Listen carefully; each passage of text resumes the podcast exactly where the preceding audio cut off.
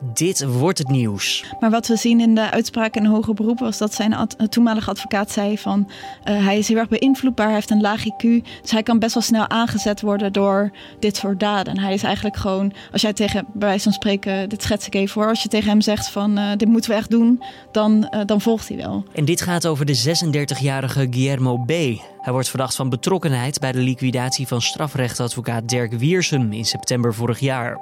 Vandaag vindt de eerste niet-inhoudelijke zitting plaats in deze zaak. Daarover straks meer met rechtbankverslaggever Lisa van der Wal. Maar eerst kort het belangrijkste nieuws van nu. Mijn naam is Julian Dom en het is vandaag 15 januari. Het vliegtuig was vorig jaar voor het eerst populairder dan de auto voor een vakantie. Verder leveren trouwe vakantielanden als Duitsland, Frankrijk en Spanje ook aandeel in ten gunste van landen buiten Europa. Dat blijkt uit recent onderzoek. In totaal groeide het aantal vliegvakanties met 3% naar 10,1 miljoen stuks. En het aantal autovakanties daalde juist iets. Na het vliegtuig en de auto volgt op grote afstand de trein als favoriet vakantietransportmiddel. Schiphol zegt zich in te zullen zetten om de hoeveelheid stikstofuitstoot te verminderen. Dat laat de Royal Schiphol Group weten in een eerste reactie op het rapport van de commissie Remkes. In het rapport dat dinsdag al uitlekte, staat dat de luchthaven niet verder mag uitbreiden indien de uitstoot niet afneemt. Om dat te realiseren zal Schiphol elektrisch taxiën verder ontwikkelen en wil de luchthaven het gebruik van schonere en stillere vliegtuigen stimuleren. In plaats van een uitkering moet een werkloze een basisbaan worden aangeboden. Daarvoor pleit de Wetenschappelijke Raad voor Regeringsbeleid, de WRR. De raad noemt het niet wenselijk dat mensen langdurig werkloos blijven. Veel van de werklozen zouden ook graag aan het werk willen, al dus de raad. Een basisbaan zou in dat geval uitkomst bieden. Volgens de onderzoekers is goed werk belangrijk voor de gezondheid en het welzijn van mens en samenleving. Na een enorme explosie in de Spaanse stad Tarragona, zo'n 100 kilometer ten zuidwesten van Barcelona, is een dode gevallen en zijn zeker acht mensen gewond geraakt. Eén persoon wordt nog altijd vermist. De explosie vond plaats bij een chemische fabriek in de stad. Over de mogelijke oorzaak is nog niets bekend. Inwoners van de stad en nabijgelegen plaatsen wordt geadviseerd om voorlopig binnen te blijven en ramen en deuren gesloten te houden. Het is nog niet duidelijk welke en of er gevaarlijke stoffen zijn vrijgekomen bij de explosie. Minstens 17 kinderen en 9 volwassenen zijn licht gewond geraakt nadat een vliegtuig kerosine had geloosd boven een schoolplein nabij Los Angeles. Twee klassen speelden buiten op het moment dat het kerosine regende. De brandstof kan onder meer huidirritatie, slaperigheid en duizeligheid veroorzaken. Het betrokken toestel van de Amerikaanse luchtvaartmaatschappij Delta Airlines moest kort na opstijgen terugkeren vanwege motorprobleem. Om gewichteloze dumpte de piloten brandstof. Zoiets komt weinig voor, maar als het gebeurt, dan gebeurt het of op grote hoogte of boven een onbewoond gebied. De Amerikaanse luchtvaartautoriteiten onderzoeken hoe het kan dat de lozing nu plaatsvond boven onder meer een school. Dan gaan we naar ons gesprek van vandaag. En zoals gezegd is het nieuws van de dag de eerste niet-inhoudelijke zitting over de liquidatie van strafrechtadvocaat Dirk Wiersum. Guillermo B. wordt daarin verdacht van betrokkenheid. Normaal gesproken praten we hierover met de rechtbankverslaggever Joris Peters. Maar vanwege zijn vakantie hebben we collega-rechtbankverslaggever Lisa van der Wal naar de microfoon gehaald. Wiersum was één van de twee advocaten van kroongetuige Nabil B. B is kroongetuige in het Marengo-proces. En daarin heeft hij belastende verklaringen afgelegd tegen Ridouan T. Lisa, kan je ons nog even uitleggen waarom Dirk Wiersum een van de twee advocaten was van kroongetuige Nabil B? Nou, om te schetsen, het is heel normaal eigenlijk in grote strafzaken dat iemand vertegenwoordigd wordt door twee advocaten. Um, dus uh, Nabil B., de kroongetuige, had er inderdaad ook twee. Die doen dan samen de zaak. Dat is ook heel handig, want stel je voor dat een van de twee verhinderd is of uh, ziek is, nou ja, noem maar op, dat de ander dan helemaal bij is. dat als context. Um, nu is het wel zo dat de twee advocaten die hij toen had, Dirk Wiersum is natuurlijk geliquideerd en de ander is gestopt uit veiligheidsoverwegingen. en hij heeft nu een nieuwe verdediging. Duidelijk. Dan naar de liquidatie van Wiersum. Wat kunnen we zeggen, Lisa, over de verdachten die op dit moment vastzitten? Om hem even in te leiden voor je. Um, je hebt natuurlijk de liquidatie zelf. Dus die ochtend, uh, die woensdagochtend was het.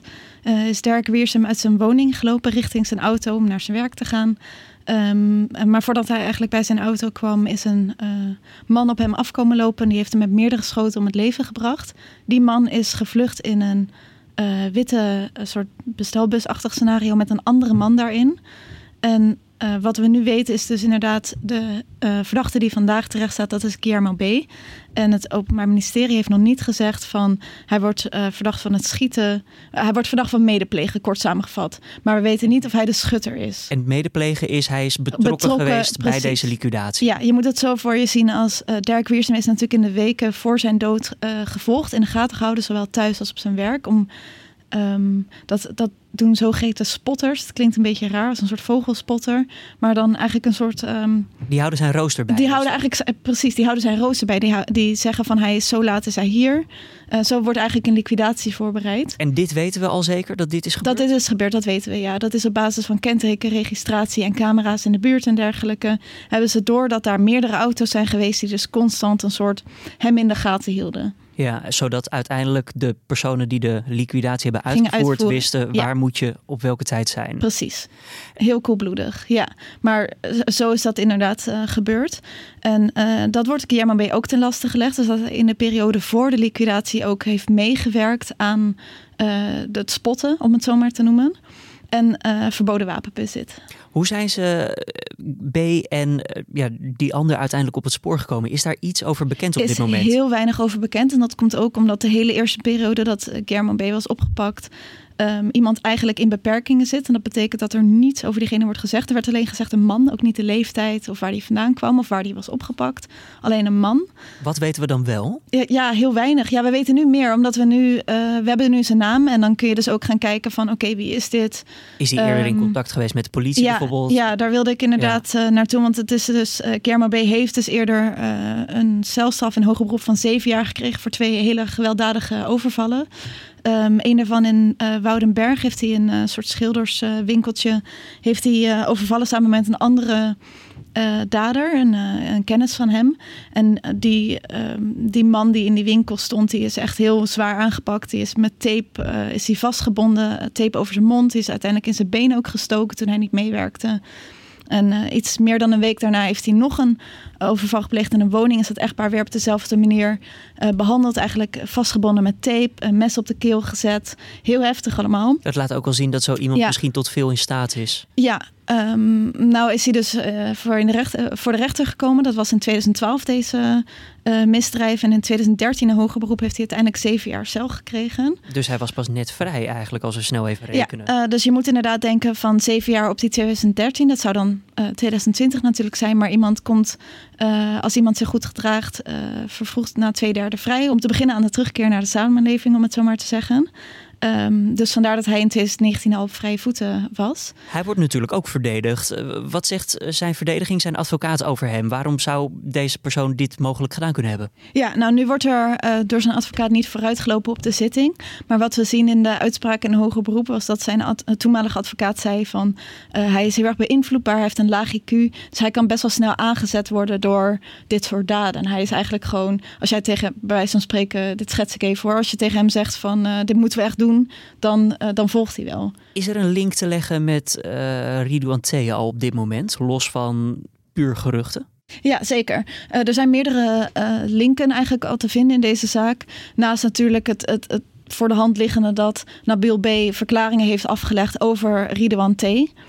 Um, en dat zijn onschuldige broer natuurlijk ook uh, al is geliquideerd. En ze denken dus dat dat is als een soort wraak van wie praat die gaat. Maar ze kunnen Nabil B niet pakken, dus dan pakken ze zijn broer. Om het even ja, zo te noemen. Te zeggen, ja. Om het even heel plat te zeggen. Nou is het ook zo dat de volle neef van Ridwan uh, T. ook is opgepakt in deze zaak. Die is in november is die gearresteerd. En die zou ook een rol hebben gehad in het coördineren van deze liquidatie. En coördineren betekent dus mee eh, bij de planmatigheid. De planmatigheid inderdaad. Eh, de, moet je bijvoorbeeld denken aan uh, wapens regelen, auto's, uh, vluchtauto's. Ja. Daar, zo moet je, uh, daar moet je aan denken als, als de justitie zegt een coördinerende rol.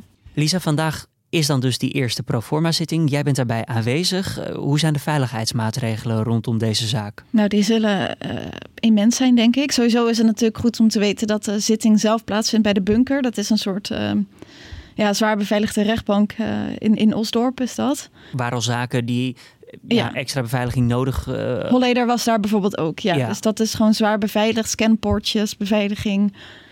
Um, ze weten wie daar naar binnen en naar buiten komt, laten we het zo zeggen. Um, jij als dus journalist, uh, jij moet ook door beveiligingspoortjes heen ja, en uiteraard. Ja, ja, dat is uh, sowieso standaard. Uh, bij sommige rechtbanken is dat iets uitgebreider dan bij andere. Maar je gaat altijd door een scanner heen en je tas gaat door een scanner heen. Daar moet je sowieso aan denken. daarbij is het wel goed om te weten dat het gaat om een proforma zitting. Het is de eerste proforma zitting in deze zaak. Dus dat betekent niet dat er al heel erg inhoudelijk wordt ingegaan op, op de elementen uit de zaak. Je kan natuurlijk wel een en ander opmaken uit de tenlasteleggingen, wat het Openbaar Ministerie daarover te zeggen heeft en hoe de advocaat daarop gaat reageren. Wordt al iets gezegd over uh, eventuele onderzoekswensen en uh, bezwaren en dergelijke. Uh, maar het kan ook zomaar binnen een kwartier of een half uur voorbij zijn. En B, is die aanwezig? Uh, dat is nog niet zeker, dat weten we nog niet. Dus dat is even afwachten totdat je daar bent of je hem dan ook daadwerkelijk zou zien. Ja. Uh, okay, ja, de eerste proforma is dit dan. En wanneer gaan we naar inhoudelijke zittingen toe? Ja, dat is echt nog een beetje koffiedik kijken. Omdat het natuurlijk, je, kan je, je kunt je voorstellen, dit is een enorm proces. We hebben Guillermo B, maar we hebben natuurlijk ook uh, Anouar T. Dat is die neef van uh, Ridwan T. die hebben we. Um, dus die moet er ook een keer ergens een eerste performa zitting in gaan krijgen. En dan moet dat natuurlijk samengevoegd worden. We weten nog niet of dit samengevoegd gaat worden bij een ander proces wat tegen Ridwan T gevoerd gaat worden. Dat zou nog kunnen. Precies, nou ja, die staat natuurlijk in het Marengo-proces terecht. Ja. Maar hij is nog niet officieel uh, aangeklaagd voor de moord op Dirk Wiersum. Dus dat, dat laat zich allemaal nog uh, afwachten, om het zo maar te zeggen. Hoe ze dat precies willen gaan organiseren, dat, dat is bij het Openbaar Ministerie. Um, maar ik zou niet denken, uh, ja, als ik even heel, heel grof een schatting mag maken, zou ik echt niet denken dat er dit jaar al, uh, ja, misschien tegen het einde van het jaar, dat je inhoudelijk kan gaan. Maar dat is echt uh, heel grof geschat, echt koffiedik kijken. Rechtbankverslaggever Lisa van der Wal was dat. Zoals gezegd kwam Guillermo B. dus vrij voordat hij die volledige straf had uitgezet. En wil je nou weten hoe dat kan en hoe deze regel precies in elkaar zit, dan kan je terecht bij een artikel dat Lisa hierover heeft geschreven. En de link daarvoor is te vinden in de beschrijving van deze podcast. Dan ook nog eventjes de nieuwsagenda voor vandaag. Het Amerikaanse Huis van Afgevaardigden stemt over het sturen van impeachment-aanklachten naar de Senaat. Voorzitter Nancy Pelosi kondigde dat gisteren aan. En verder was het al gelekt op dinsdag, maar vandaag komt dan officieel het adviesrapport van de commissie Remkes naar buiten. En dat gaat dus over het stikstofbeleid rondom de luchtvaartsector in Nederland. Verder start Eurosonic Noorderslag vandaag in Groningen. En zo treedt vanavond Duncan Lawrence op in de Groningse stad Schouwburg. Het muziekevenement duurt tot en met zaterdag. Dan het weer voor deze woensdag. De ochtend begint droog en de zon die kan zich soms ook nog eventjes laten zien. Alleen in het noordwesten kan het wel erg bewolkt blijven. Later op de dag kans op regen en verder staat er een redelijke zuidwestenwind die aan de kust krachtig tot hard kan aanvoelen. De temperatuur ligt rond de 12 graden. Voordat we bij het einde zijn van de Dit Wordt Het Nieuws podcast, nog even nieuws over Billie Eilish.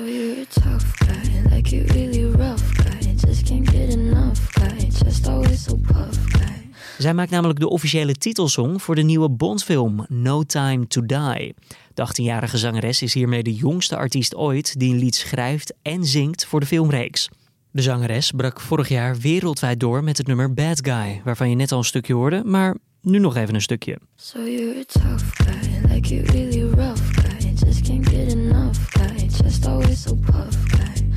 I'm that bad type, make your mama sad type, make your girlfriend mad seduce type.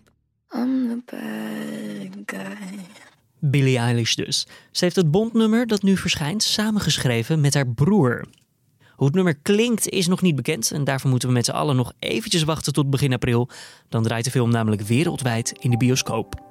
Dit was dan de Dit Wordt Het Nieuws podcast van deze woensdagochtend. Heb je tips of feedback voor ons? Dan kan je dat mailen naar podcast.nu.nl. Wat vond je van de podcast? Laat het ook eventjes weten met bijvoorbeeld een review op iTunes. En daarmee help je andere mensen deze podcast ook weer beter te vinden. Ik wens je voor nu een fijne en goede woensdag. Mijn naam is Julian Dom en tot morgen weer.